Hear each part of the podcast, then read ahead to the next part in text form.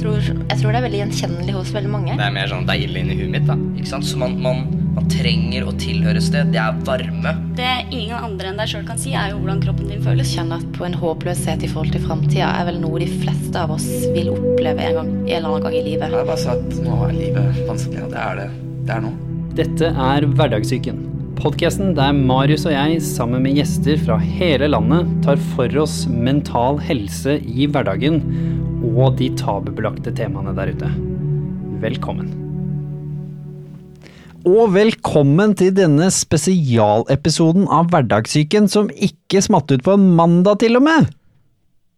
Nå skulle du sagt noe, da. Nå skulle jeg sagt noe, jeg trodde, trodde du bare skulle fortsette, jeg, men eh, Ja, du er så vant til at jeg skravler, du. ja, ja, jeg, gitt, jeg, ja, jeg fikk jo streng beskjed etter forrige podkast at eh, du får ikke lov til å ta over podkasten. Så ja. Der er vi. Men nå er vi tilbake igjen. Ja. Og det vi skal snakke om i dag, det er faktisk hva kan skje på et år. Fordi forrige gang du var her, Simen, eller ikke forrige gang, det er feil, du, jo, du prøver jo å ta over, så du er jo her titt og ofte, men første gangen du var her, så var du og spilte inn to episoder i samme slengen. Det var én om ungdom, eller unge, og mental helse, det var en om menn og ensomhet. Stemmer. I Menn og ensomhet, som dere nå skal få høre, så sa Simen det her. Jeg bare sa at nå er livet vanskelig, og det er det. Det er nå. Det er kjipt. Og det er veldig sånn personlig, og det er veldig rart å sitte og dele noe så personlig når man står i det, for det er så lett å prate om ting da. når man har vært igjennom det og si at dette greide jeg. Men akkurat nå så er det er tungt, altså. Og der hører vi deg, Simen, si at uh, rett og slett uh, livet var skikkelig vanskelig, og det hører vi jo på stemmen din også, så Men det vi skal snakke om i dag, er hva kan skje på et år. For nå har det gått nøyaktig ett år siden du satt og delte det veldig tøffe delen av livet ditt. Så hva kan faktisk skje på et år? Fordi veldig mange av oss som står i tøffe ting, vi føler jo at det er håpløst, at det aldri kommer til å endre seg. Men nå har det nå gått et år, da. Så hva har skjedd? Nei, det er mye som har skjedd, eh, skjedd det siste året, heldigvis. Både på, på godt og vondt. Mm.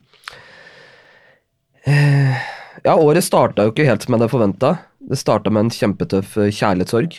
Noe av det vondeste jeg har vært igjennom i hele mitt liv. Men, eh, men så kom jeg meg igjennom det òg, heldigvis. Og det, er, det gjør vi jo, de aller fleste av oss. Det er bare kjempevondt når det, når det står på.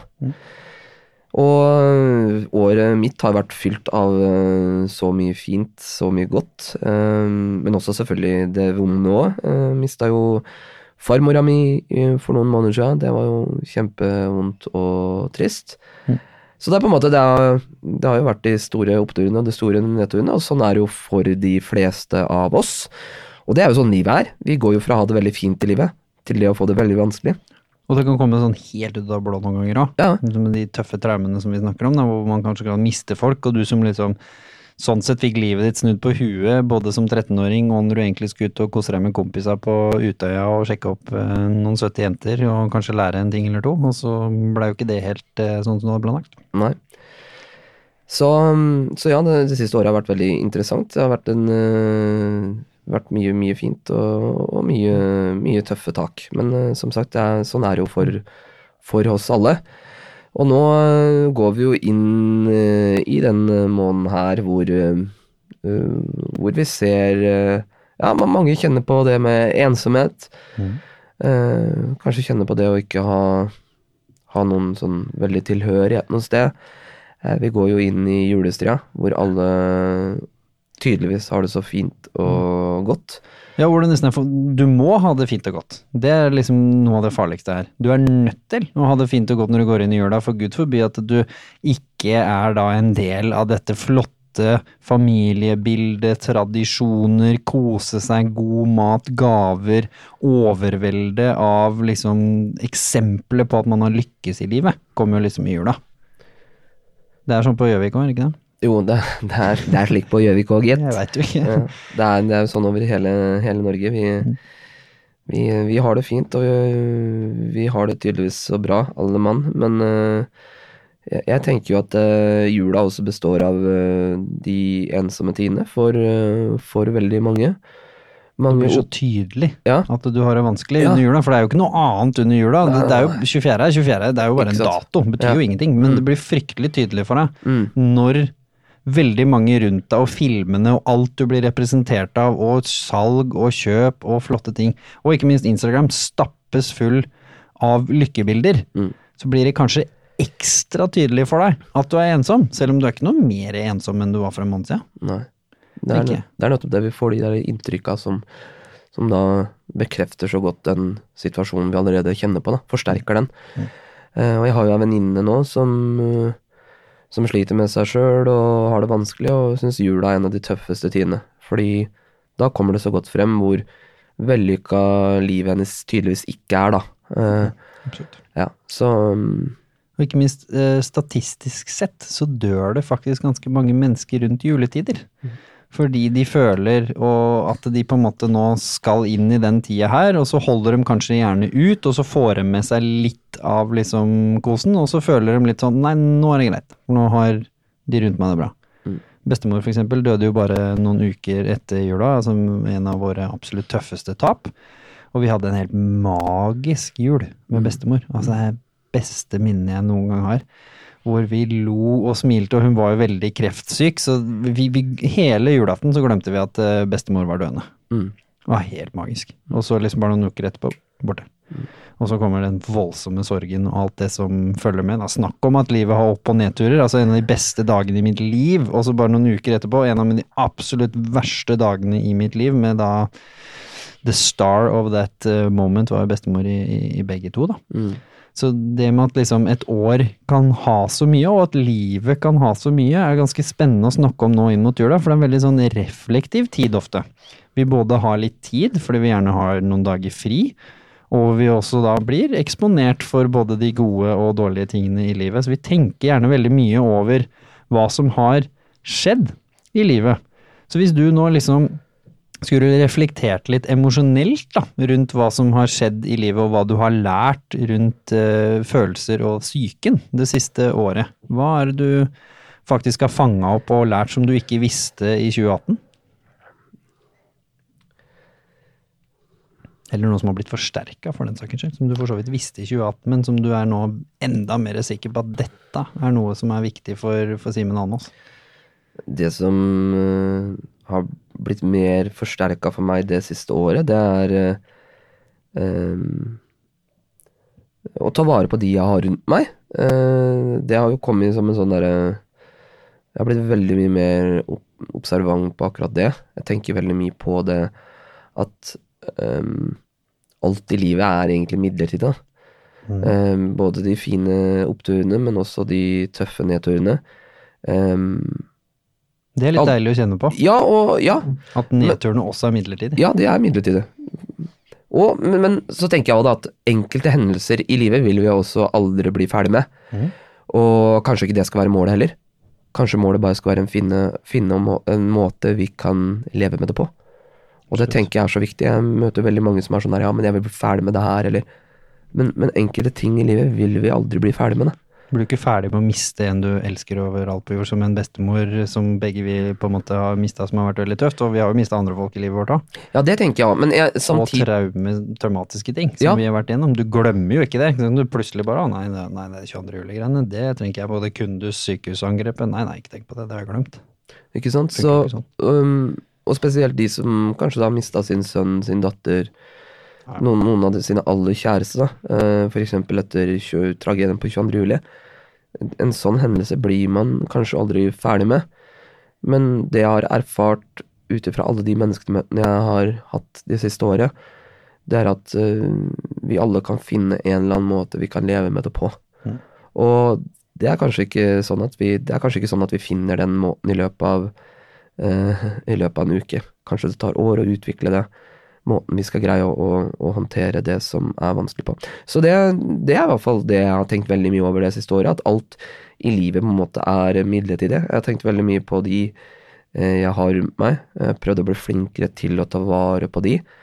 Sånn som mamma og pappa, de, de er jo godt over 60 år. eh, og jeg tenker jo nesten daglig på at eh, en dag så skal de bort, på en måte. Ja, vi har kommet til den alderen Ja. i livet du og jeg nå. At det, det, altså, la oss nå virkelig håpe, og statistisk sett så har de jo mange år igjen, Mm. men vi har kommet til det stadiet hvor man har begynt å tenke på det. Mm. Fordi det har faktisk jeg begynt å tenke på også. Det er litt sånn fun fact at jeg, jeg så mamma etter å ikke ha sett henne på en stund. Mm. Og så glemmer man litt hvor gamle foreldrene sine er, enda mine foreldre er unge fortsatt. Men bildet mitt var liksom at nei, nei, mamma er ung og sprek og liksom alt er bra. Men mamma er jo også syk også, og har jo sine utfordringer. Og så så jeg henne, og så bare så jeg henne gammel. For første gang, faktisk. Ja. Og det var skikkelig ekkelt. Det var skikkelig rart, selv om jeg håper mamma har 30-40 år igjen, liksom. Det er ikke det. Men første gang så gikk det opp for meg at mamma er gammel. Altså hun er nå i en alder hvor hun er ikke ung og sprek lenger. Hun er ikke den som liksom, hvor vennene mine bare 'Å, herregud, mora di er smekker', liksom. Hun, hun er faktisk en gammel dame, da. Det er litt sånn rart å tenke på når man har kommet i den alderen der, og begynner å, ja, som du sier, må liksom begynne å kanskje rydde opp i noen gamle greier, og begynne å sette av tid. Du er busy menn. Eh, sette av tid til å være med de. Du vet aldri hva som skjer, og du kommer til å angre som ei bikkje. Det er i hvert fall noe som er sikkert. Hvis eh, noe skjer, da, altså bank i bordet at det ikke gjør det, men hvis noe skjer, og du ikke har satt av tid til dem, fordi du liksom Det gjør du før eller siden. Eller Før eller siden så gjør du det. Skjer jo noe. Eh, da må du sette av tid. Ja, og det er nettopp det. Eh, og, og nyte det vi har, da, eh, mens vi eh, ennå har det. Mm. Det tenker jeg er så viktig, og det har også det siste året eh, gitt meg. det perspektivet at eh, veldig mange av oss jager alt langt der fremme, eller kanskje ja, det er to måter da mange lever på. Det er at de står med én fot i, i fortida, og på en måte blir gående og tenke på hva man kunne gjort annerledes, hvorfor ble det sånn det ble, og så videre og så videre. Og den andre delen er de som står med den andre foten i fortida. Og, Fremtida. ja, ja, ja, fremtida, beklager. Og er veldig opptatt av alt som skjer langt der fremme. Jeg tenker at det er så viktig å finne den balansen da, uh, mellom det her, og være mer til stede akkurat nå. For det er det øyeblikket her som er, er viktig. At det ikke blir bare sånn at vi skal jage alt der fremme. For det øyeblikket her var kanskje det du en gang i fortida så frem til. da. Ikke sant? Så det med å være til stede nå og nyte det som er, mens det ennå er, det er så ufattelig viktig. Og også, eh, altså livet det kommer aldri til å bli perfekt, har jeg funnet ut. Og det med å kunne eh, lære seg det med å eh, nyte livet akkurat som det er, selv om det er litt uperfekt, det tenker jeg er så ufattelig viktig. da. John Legend sa det veldig flott i en sang, The Perfect Imperfections. Det Ja. som gjør det øyeblikket unikt. Mm. Selv om det kanskje regna, men du er på et nydelig utsiktspunkt hvor du vanligvis skulle se et fjell, og så ser du ingenting fordi det regner og er tåke. Mm. Og så sitter du der med bikkja under armen, som jeg veit at du liker, og faktisk tenker, vet du hva, fy søren, nå har jeg det fint. Selv om jeg ikke ser det fjellet, og det regner i huet på meg. Men nå har jeg det fint. Og jeg tenker ganske mye på det der, faktisk. Det der med å klare å nyte nå. Fordi veldig mange snakker med meg hele tiden i det siste gående året, hvor vi har kjørt i et voldsomt tempo, både for så vidt du og jeg. Det der med hvordan klarer du det? Hvordan går det rundt? ikke sant? Hvor folk bare 'Å, herregud, maskin ditt og maskin datt'. Veldig hyggelig, det. Men jeg klarer det faktisk fordi jeg prøver så godt jeg kan å nyte nuet. Hvor jeg faktisk lader energi ut av at det går bra der og da, eller at jeg nøyt at jeg fikk en god connection med en som satt i salen, som kommer bort til meg og sier du, det foredraget du delte nå, det traff meg virkelig, og, og det her skal jeg faktisk tenke på, eller jeg skal gjøre noe med, eller et intervju som vi får feedback på inne på Facebook, hvor bare, åh, den personen her, Simen som delte sitt intervju om, om sine erfaringer, fy søren, det hjalp meg. De der små tinga. Men samtidig så kjenner jeg på det stresset, for nå høres det liksom som jeg er the perfect master of life, og det er jeg ikke. Og jeg kjenner på det stresset sånn som når vi var ute på reise nå, hvor vi prøver å smekke inn mest mulig i tidplanen. Jeg har null tid til refleksjon. Null tid til å nesten være liksom sånn der nå, fordi du hele tiden tenker å, neste ditt, neste datt, neste ditt. Det er slitsomt, altså. Og jeg kjenner at når jeg liksom kommer hjem, så blir jeg liksom Hva jeg egentlig har vært med på nå? Jeg husker jo ikke hva jeg har gjort de dagene jeg var ute og reiste engang. Og jeg kjenner at det der greiene der, det er ikke sunt, altså. Fordi da må jeg gå inn på telefonen min og sjekke hva jeg har gjort, eller at de som følger meg på Instagram egentlig har kosa seg mer med at jeg har vært ute og reist, enn jeg sjøl. de har vært mer på tur enn deg. Ja, faktisk. Mm. Og, og det er ikke helt bra. Og det er jo litt der vi er i verden. Den der klassiske med at det er veldig mye snakk om at på konserter så er man så opptatt av å lage snaps eller video at du faktisk i hodet ditt kognitivt har ikke vært til stede, så du har faktisk ikke klart å nyte noe av det vakreste som er, og det er å nyte livemusikk. Mm. Og så har du faktisk på grunnen av verden vi lever i, valgt å ikke være til stede, for det er viktigere for deg at du får den beste videoen av konserten med favorittartisten din. Da. Er vi ute og loker litt på Baglætisen, Ja. ikke sant, på, på Mjøsa. Da har vi gått ut på luggeføre, som jeg liker å kalle det. Ja, det er ikke helt bra. Men du, eh, ikke bare det med hva kan skje i løpet av et år, men da har vi veldig ofte sånne refleksjoner rundt lærdom inn mot at liksom, nå skal begynne nyttårsforsettene begynne å, å tjåke seg opp, ikke sant? Har uh, mister Almås uh, noen liksom store ting han har drassa med seg i de åra her som du liksom skal ta med som, som blir et form for forsett eller et mål for eh, 2020? Ja, jeg har jo noen mål for 2020. Det har jeg jo. Um, det skal bli mye mer på, Det høres jo helt forferdelig ut, men jeg skal bli mye mer aktiv på sosiale medier Ja. i form av å spre de tinga vi prater om nå. Hvorfor det? Fordi det gir meg mening. Det gir meg glede. Det gir mening i livet mitt å kunne eh, bruke min stemme til å være med å påvirke andre sitt liv da, i en positiv retning og gi god input. Det gir meg vanvittig glede. Så det kommer jeg til å gjøre mer av eh, i, eh, i 2020. Skal du mase på at jeg skal gjøre det da, eller? Ja, det, jeg sa det til deg før podkasten starta her. Hvorfor eh, driver ikke du og filmer nå? Så eh, jeg skal følge opp det. Det skal jeg også, det er mitt uh, nyttårsforsett, å følge opp Jimmy Vesterheim. Det blir gøy. Det blir stas. Det blir deg stas. som vaktbikkje, det kjenner jeg på. Ja. Deg som befal på, i Forsvaret, det kjenner jeg hadde vært mareritt. Det, det hadde blitt, blitt gøy. Nei, så utover det så har jeg ikke de store nyttårsforsettene sånn sett. For meg så er det ikke sånn der oi, nyttår, nytt år, nye muligheter. Jeg tenker jo sånn, og det er litt klisjé, men jeg tenker jo hver dag er en ny mulighet, da. Og jeg ser jo veldig mange som hvert eneste år liksom tenker at ja, nå er det nytt år, nå er det ny, nye muligheter. Eh, Hvorfor tror du det er så viktig for folk? Å ha den? jeg, jeg tror det bare er en del av greia, noe vi har bare Jeg har ikke noe godt svar på det. Det er bare noe alle sier. Nytt år, nye muligheter, og på en måte sier at nå skal det året her lukkes, og det kan helt sikkert være fint og flott for enkelte. Men at så mange begynner med så hinsides nyttårsforsetter at ja, nå skal jeg begynne å trene fem dager i uka. Jeg trente null forrige uke. Ja, og det er nettopp det som også er greia her. Jeg ser mange setter så høye mål eh, at de ikke har sjans til å opprettholde det over tid. Da. Det er der mange feiler med tanke på sine nyttårsforsetter. Det er, å- det er å bare tilegne seg. Mitt, mitt beste råd her er jo å bare tilegne seg, eh, tilegne seg de vanene eh, man trenger for å opprettholde det målet, eller for å nå det målet. Så kanskje ikke du skal dra inn på treningssenteret og tenke at ja, nå skal jeg begynne å trene seks dager i uka, når du ikke har trent i hele 2019. Altså, det er et ganske dårlig utgangspunkt. Ja, da, For altså, blir da, du skamstøl, og så kommer det til å være vondt, og så blir dørstokkmila fryktelig lang, og så kommer du til å gjøre som 90% av de som kjørte nytt abonnement i år, du kommer til å slutte. Ja, helt, eh, helt korrekt. Så det er kanskje ikke det skal være målet. Kanskje målet heller skal være å begynne å ta én treningsøkt i uka. Ikke sant? Det kan jeg få til 30 minutter én gang i uka. Det kan være målet mitt. Og så, hvis jeg finner glede der, ikke sant. For da skaper det også gleden rundt å, få til det. det. Det ene lille målet du har satt deg, ikke sant.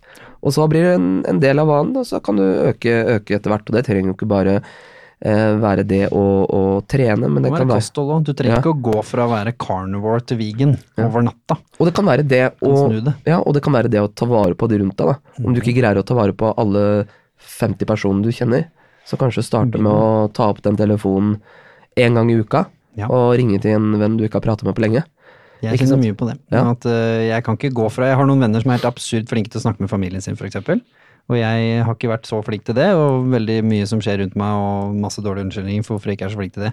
Og da blir jeg litt sånn, da skal ikke jeg gå til å plutselig snakke halvannen time med familien min hver dag, fra der hvor jeg er nå, hvor jeg snakker med dem en gang i måneden. Da må jeg tørre å sette et lavere mål for meg sjøl, som er for eksempel, vet du hva, nå skal jeg prøve å snakke med dem en gang i uka, Mm. kanskje. Og så tar man det derfra. For da er det jo mye større sannsynlighet for at jeg faktisk kommer til å lykkes. Og det er litt viktig her. Ikke legge opp et forsett eller en plan eller en tanke for deg sjøl som du veit innerst inne at du ikke kommer til å få til. For da, da, da har du jo starta året med at du er en failure, da. Lykke til med å ha heia, heia på deg sjøl-året da, liksom. Ja, det er litt kjipt å sitte igjen i første, etter første uka i januar og tenke at ja ja, eh, 2021 kommer jo, så her blir det Det kommer en mulighet seinere òg, ikke sant. Det, det fungerer dårlig. Så, så start det små, tenker jeg. Det, det, det er der nøkkelen eh, ligger. Ja. Og ergo starte i det små, selv om vi får one minute call her nå, så selvfølgelig hører jeg jo ikke på det, det er bare tull. så The Rebels som jeg Nei, vi skal, vi skal runde av. Men eh, inn mot slutten. Nå går vi inn mot jula, da. Så, det å starte i det små. Med tanke på de tingene vi har snakket om i denne episoden her, og at det nå har gått et år siden du hadde det veldig vanskelig, hvordan skal de da som kanskje egentlig ikke nå storgleder seg til det som kommer, fordi det representerer for dem et stort bilde på at livet deres kanskje ikke er smashing. Hvordan ville du starta i de små for å passe på at det ikke blir en selvoppfyllende profeti? Jeg tenker det er viktig, viktig da å bryte det mønsteret. Gjøre det som gjør deg glad, og som kan løfte deg litt opp. Um, sånn som hun venninna mi. Hun liker ikke jula, føler seg litt ensom og sånn, så hun velger å dra bort. Hun drar på eh, skitur, som regel, eller drar ut i naturen og sover ute. Um, nå er det sikkert ikke alle som har mulighet til det, men bryte det mønsteret eh, på en eller annen måte, det tankekjøret. Kanskje det er det ved å spørre om eh, den ene venninna har lyst til å bli med ut og gå en tur, eller dra på kino, eller gjøre noe som, som er litt noe mer annet enn å bare sette seg ned på en stol og dyrke ensomheten og sorgen. Fordi livet ditt det kommer ikke til å bli bedre av å dyrke ensomheten og sorgen. Så bryt, ikke sant? Så bryt det mønsteret på en eller annen måte. Mm. Nei, jeg er jo absolutt helt enig, helt enig der. Man må liksom bryte mønsteret. Jeg har jo et veldig godt forslag som jeg har tenkt på flere ganger sjøl, med å gjøre. Det er jo at det er en del organisasjoner der ute som prøver å gjøre jula til folk som kanskje er ekstra alene, ekstra god. Man har jo f.eks. organisasjoner som hjelper de som bor på gata til å lage mat. Og jeg anbefaler faktisk de som føler seg ensom å være frivillig. Det kan kanskje høres litt rart ut, å anbefale de som er ensom til å faktisk gjøre noe når de føler at de har null energi i livet. Men jeg vil tørre å påstå, så du som hører på nå, føler at jula, den gruer du deg til. Du aner ikke hva de skal gjøre, du veit du er ensom, du har ikke familie, du har ikke noe der ute. Finn en organisasjon som arrangerer jul for andre som er ensomme, og så blir du med der, og så er du frivillig. Og så ser du åssen det går. Jeg garanterer at du kommer til å ha en fantastisk god opplevelse. Betyr ikke at du kommer til å være mindre ensom når du er ferdig med den opplevelsen, men du har i hvert fall sørga for at noen andre som deg har vært mindre ensom takket være deg. Og bare for å skyte inn, for å underbygge påstanden til Jimmy her, så eh, har jo kommet ut nå en eh, større studie eh, som viser da, eller som omhandler det her, fem grep for bedre syke i hverdag, hverdagen. Og da er en av de grepa eh, som omfattende forskning viser, det er å gi av seg, selv- eh, sjøl. Det hjelper deg veldig eh, av å få bedre syke. Fordi i det øyeblikket du gir av deg sjøl, og du ser noen få glede av det, så, så får du også glede sjøl, da. Du ser at du har en verdi. For det er jo en av de viktigste tingene når vi føler at vi ikke er til nytte eller til hjelp for noen. Det er da virkelig ting begynner å bli vanskelig, for da begynner du å komme inn i de tankesporene om at du ikke trengs her. Sant, sant. Men så snu det, da, aktivt. Selv når du er på ditt laveste og har null energi, gå inn der. Bidra med hva enn du har, om det er å sette ut kaffekopper på bordet, eller om det er bare å sitte der og holde samtalen, eller om det er å øse i eh, julegrøt til folk som står der, som er som en relativt triviell oppgave. Det krever ikke så fryktelig mye av deg. Og se på de menneskene. Smil. Si vær så god. Et eller annet. Det gir deg mye, det. Det har jeg vært og prøvd nå. I Sierra Leone så var vi og ga mat til de som av psykisk helse, dessverre, på stigma der nede, havner på gata. Og de har ikke råd til å brødfø seg, det er jo så høy arbeidsledighet fra før. Vi ga mat til dem. Det å gjøre det den ene dagen, selv om vårt mål var å filme og gjøre masse greier, vårt mål var egentlig ikke å gjøre noe sånt, og de trengte ikke oss heller, de hadde nok frivillig til å sulle med det her.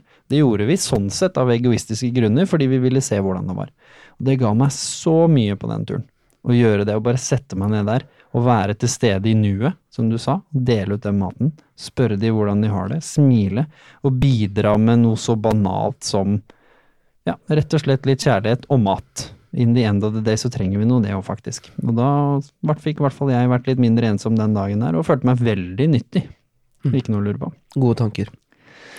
Gode tanker. Ikke minst, og ikke minst prøv å lytte litt på de tinga som er der, og se litt på de tinga som er der. Vi har både intervjuer og podcaster og ting og tang der ute som handler om f.eks. alle de utfordringene som du nå kan stå overfor, selvfølgelig. Som er underliggende, som ikke har noe med jula å gjøre. Hvorfor er du ensom in the first place? Det er jo altså interessant. Og ikke minst, for å avslutte med det, Simen, hva er den teiteste julegaven du har fått? Teiteste julegaven jeg har fått, det er eh, en sånn dings man bruker til å feste på ting du mister. Eh, den har jeg aldri tatt i bruk. Mista du den? Det har jeg faktisk gjort. Du mista den dingsen som Ja, skulle hjelpe deg ikke miste den. Ja, jeg veit ikke hvor den er blitt av, så, så ja. Det, det er den teiteste julegaven jeg har fått. Ja.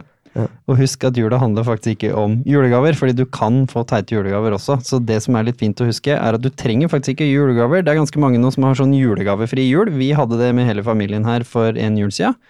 Og da faktisk ga vi hverandre heller tid den julaften. Da skrudde man av mobiler og alle disse tingene her, og så ga man hverandre tid med god mat, latter og moro, som i hvert fall jeg ikke har tid til å gjøre resten av året. Så det var en større julegave for meg enn et eller annet som jeg i teorien kan kjøpe sjøl. Fantastisk godt råd. Det skal jeg ta med meg. Knallers. Mm.